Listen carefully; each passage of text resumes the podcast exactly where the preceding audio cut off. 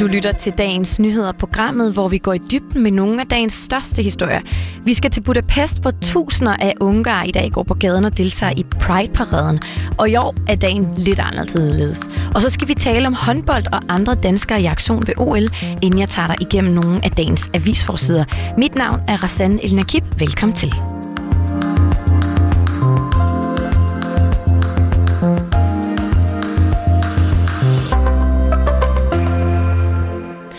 Forestil dig det her. Solen stråler, der er bane 31 grader. Overalt på de brostensbelagte gader er der dækket op med regnbueflag og konfetti. Byen summer. Du kan høre spredte menneskestemmer fra baggård og de åbne sprossevinduer, der lukker morgenluften ind. Om lidt marcherer over 20.000 mennesker ud på de brede alléer og gadehjørner overalt. Nogle klædt i farvestrålende tøj, andre er i fuld dragt. Vi er i Budapest, Ungarns hovedstad. Og sådan her kan dagen meget vel se ud for de tusinder af mennesker, der i dag deltager til Pride-paraden. Hvert år i de sidste 25 år er gaderne blevet fyldt med tusinder af mennesker, der alle kæmper for seksuelle minoriteters rettigheder, og i år er ikke nogen undtagelse. Og dog, for de sidste måneder har stemningen været en anden. Den har været ekstra giftig, og derfor så synes Tamas Dobmus, at begivenheden i år er vigtigere end nogensinde før. I sit virke som bestyrelsesmedlem i Hatter Society, der er Ungarns ældste og største rådgivningsorgan for seksuelle minoriteter, har han stor indsigt i, hvordan seksuelle og kønsminoriteter har det i Ungarn. Han både tror og håber, at der kommer endnu flere deltagere til Pride'en i år end tidligere. Pride is going to take place as it has been taking place for 25 years in Budapest. Mm-hmm. Um, so it's going to be a, a large march uh, through the most important parts of the city. Uh, we are expecting a lot of people to turn up. Um, last year we were about 20,000. We hope that this year it's going to be even larger because many people really feel that uh, in the current political situation it's very important to stand up for the rights of LGBTQI people. With this new political climate, with the propaganda law adopted and this government hate uh, mongering that, that's been happening uh, for the past uh, few months now, there are many people who are afraid. Og hvad skyldes så den her hadske politiske tone, som Tamas beskriver her? Den skyldes i høj grad de nye lovgivningsmæssige tiltag, der er gjort mod homoseksuelle. I juni vedtog Ungarns regering, som er ledet af den nationalkonservative premierminister Viktor Orbán, en såkaldt antipropagandalov i Ungarn. Maria Oyen er journalist og dækker det central- og østeuropæiske område. Hun forklarer, hvad antipropagandalovgivningen dækker over den nye lovgivning, der, der er kommet, som jo i det store hele handler om pædofili, og at man vil stramme reglerne øh, for promovering af den slags. Men man nåede så også lige meget pludseligt at få en del ind, der handlede om homoseksualitet og køn. Den del af den nye lov handler om, er, at man ikke må promovere øh, homoseksualitet eller kønsskifte for børn under 18 år. Det vil sige, at i skolerne må det kun være lærer og udvalgte af regeringen selvfølgelig, der må fortælle om den her slags ting. Det vil sige, at det ikke bare er noget, man kan hyre hvem som helst til at komme og fortælle om. Øh, der må ikke være promovering af det i fjernsyn eller tv eller film.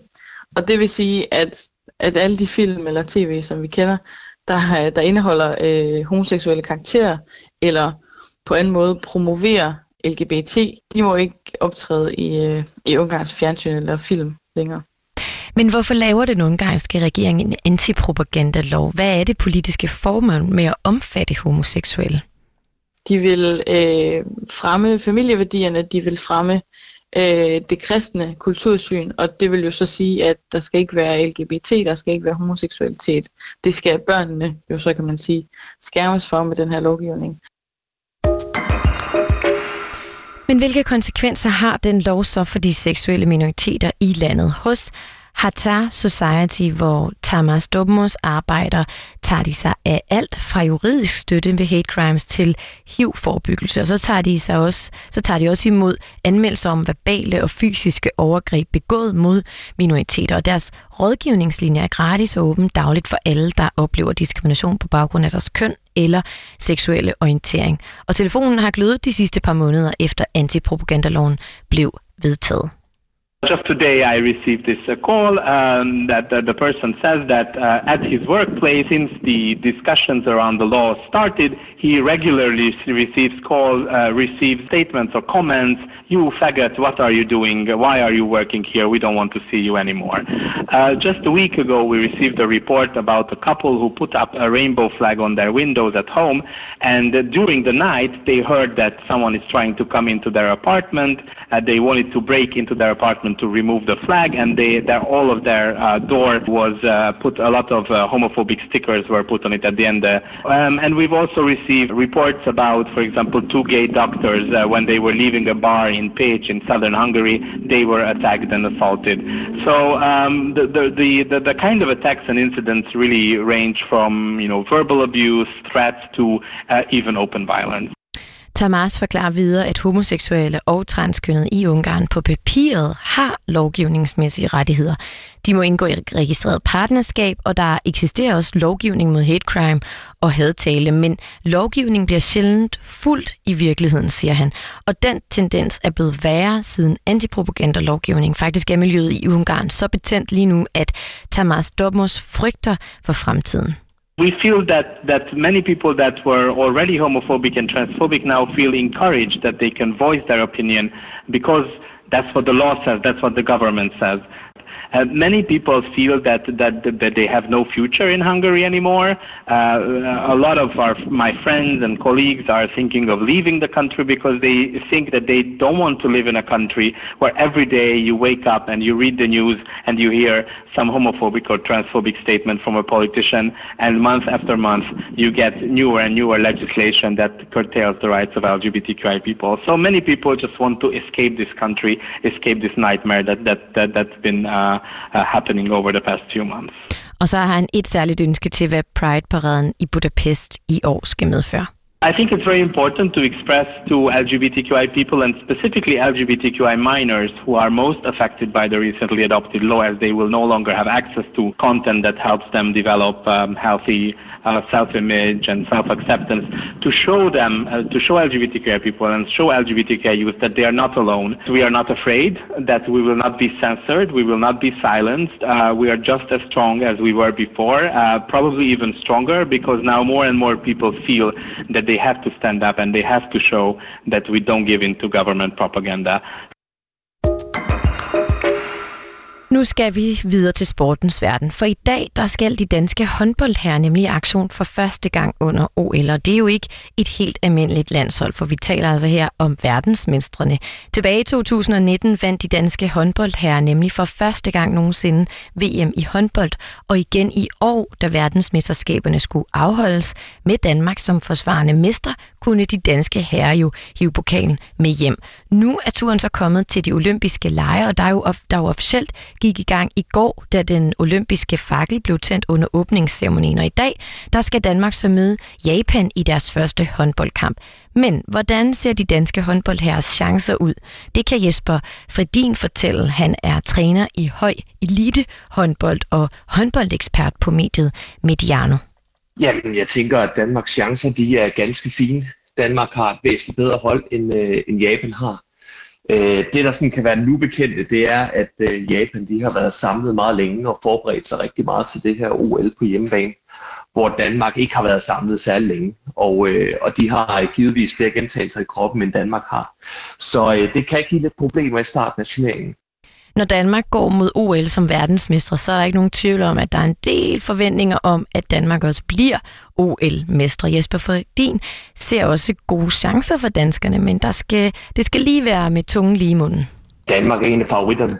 Øh, det kan vi ikke komme udenom. Vi, øh, vi har vundet meget igennem de sidste, de sidste mange år, og, øh, og hvis man tog sådan en rundspørg rundt på alle holdene, så tror jeg, at de fleste de vil pege på Danmark og sige, at, at de, de kan vinde det. Så vores, vores chancer er gode, det er der ingen tvivl om, men, men til et OL er der bare rigtig mange dygtige hold med, og, og hvis Danmark de skal vinde, så skal vi ramme den rigtig godt, for det bliver bestemt ikke nemt. Vi skal være hammerende dygtige. Der findes også en lille udfordring for Danmark på vejen mod OL-guldet. Det er nemlig en mindre trup, der er taget med til Japan end ved andre slutrunder. det at skulle være 14 mand øh, afsted i første omgang med, med to reserver, det, øh, det er ikke nogen fordel for, for Danmark. Og hvis vi går lidt ned i analysen og kigger på, hvorfor, så handler det lidt om, at Danmark spiller med en del specialister. Vi har øh, eksempelvis øh, Mikkel Hansen, som jo selv sagt er, er vores, øh, en af vores største stjerner, øh, gør sig primært i offensiven og ikke så meget i den defensive ende. Det samme øh, gør sig gældende med øh, Morten Olsen. Det gør sig også gældende øh, med øh, Jakob Holm, og til dels også Mathias Gissel, som har sine øh, sin primære kompetencer i, i offensiven. Så har vi en masse andre, som der er udtaget til at skulle dække op. Så har vi en masse mennesker, som jeg øh, ser har en nøglerolle. Så det her med, at vi er specialister, det gør os en lille smule sårbare. Og håndboldherrerne er ikke de eneste danskere, der skal i aktion i dag. Blandt andet skal dressurrytteren Katrine Dufour, badmintonspilleren Victor Axelsen og svømmerne Pernille Blume og Jeanette Ottesen i aktion. Så til avisforsiderne. Kristelig Dagblads overskrift lyder, flere par går i terapi, før de rammer krisen, for brugen af parterapi breder sig i Danmark, og det er ikke længere pinligt at søge hjælp længe før det går galt. Nyt forskningsprojekt gør det endnu nemmere for par at vedligeholde forholdet, nemlig konceptet, der hedder Parcheck, som er udviklet af Center for Familieudvikling sammen med Aarhus Universitet. Og resultaterne peger på, at løbende samtaler, altså terapisamtaler, parterapisamtaler, har en effekt på forholdet over tid. Jyllandsposten har en historie på forsiden, der handler om os alle sammen. De skriver, at vores gennemsnitlige levetid for 2020 ikke er steget så meget som forventet. Det er pensionsfonden ATP, der udregner vores gennemsnitlige forventede levetid, og de havde forventet, at både mænd og kvinder, der fylder 66 år i 2020, der fyldte 66 år i 2020, ville leve cirka 1,7 måneder længere end dem, der fyldte 66 år i 2019. Men det tal var lavere end forventet, nemlig 0,2 måneder eller 6 dage for mænd og 1,2 måneder for kvinder. Hos Pensionsfonden vil de ikke tolke på årsagen til de her lavere tal. Det var dagens nyheder. Programmet var tilrettelagt af, tilrettelagt af Jonas Jakobsen og Anne Anna Munk Heidorn. Tak fordi du lyttede med.